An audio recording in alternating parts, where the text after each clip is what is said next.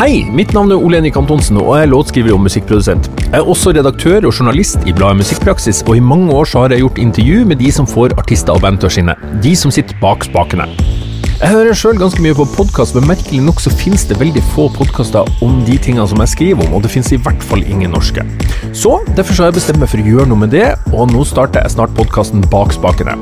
Der skal jeg intervjue produsenter, teknikere og låtskrivere. Og så tok det jo ikke ett år, det tok fem år. Ja. Ja. Andre de har vett å gi seg, da. Ja. Jeg vet det. Ja, nei, Det ble jo aldri noe av den Madonna-remixen. men det var på TV i hvert fall. En kveld som Simon Le Bon hadde, han litt vondt i tanna, så da ringte de og ordna tannlegetime i London dagen etter og billett på Concorden. Ja. Så jeg blir borte ti timer eller noe. Så sa han jo Frisnes, dæven, det her er så dypt, folkens. Det er som å stupe fra ei teskje.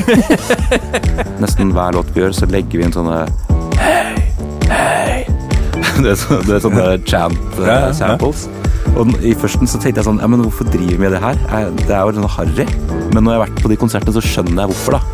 Eh, Da jeg var i Tokyo nå, så var jeg så et band som heter J Soul Brothers. Det var da 55 000 folk i salen bare Hei, hei.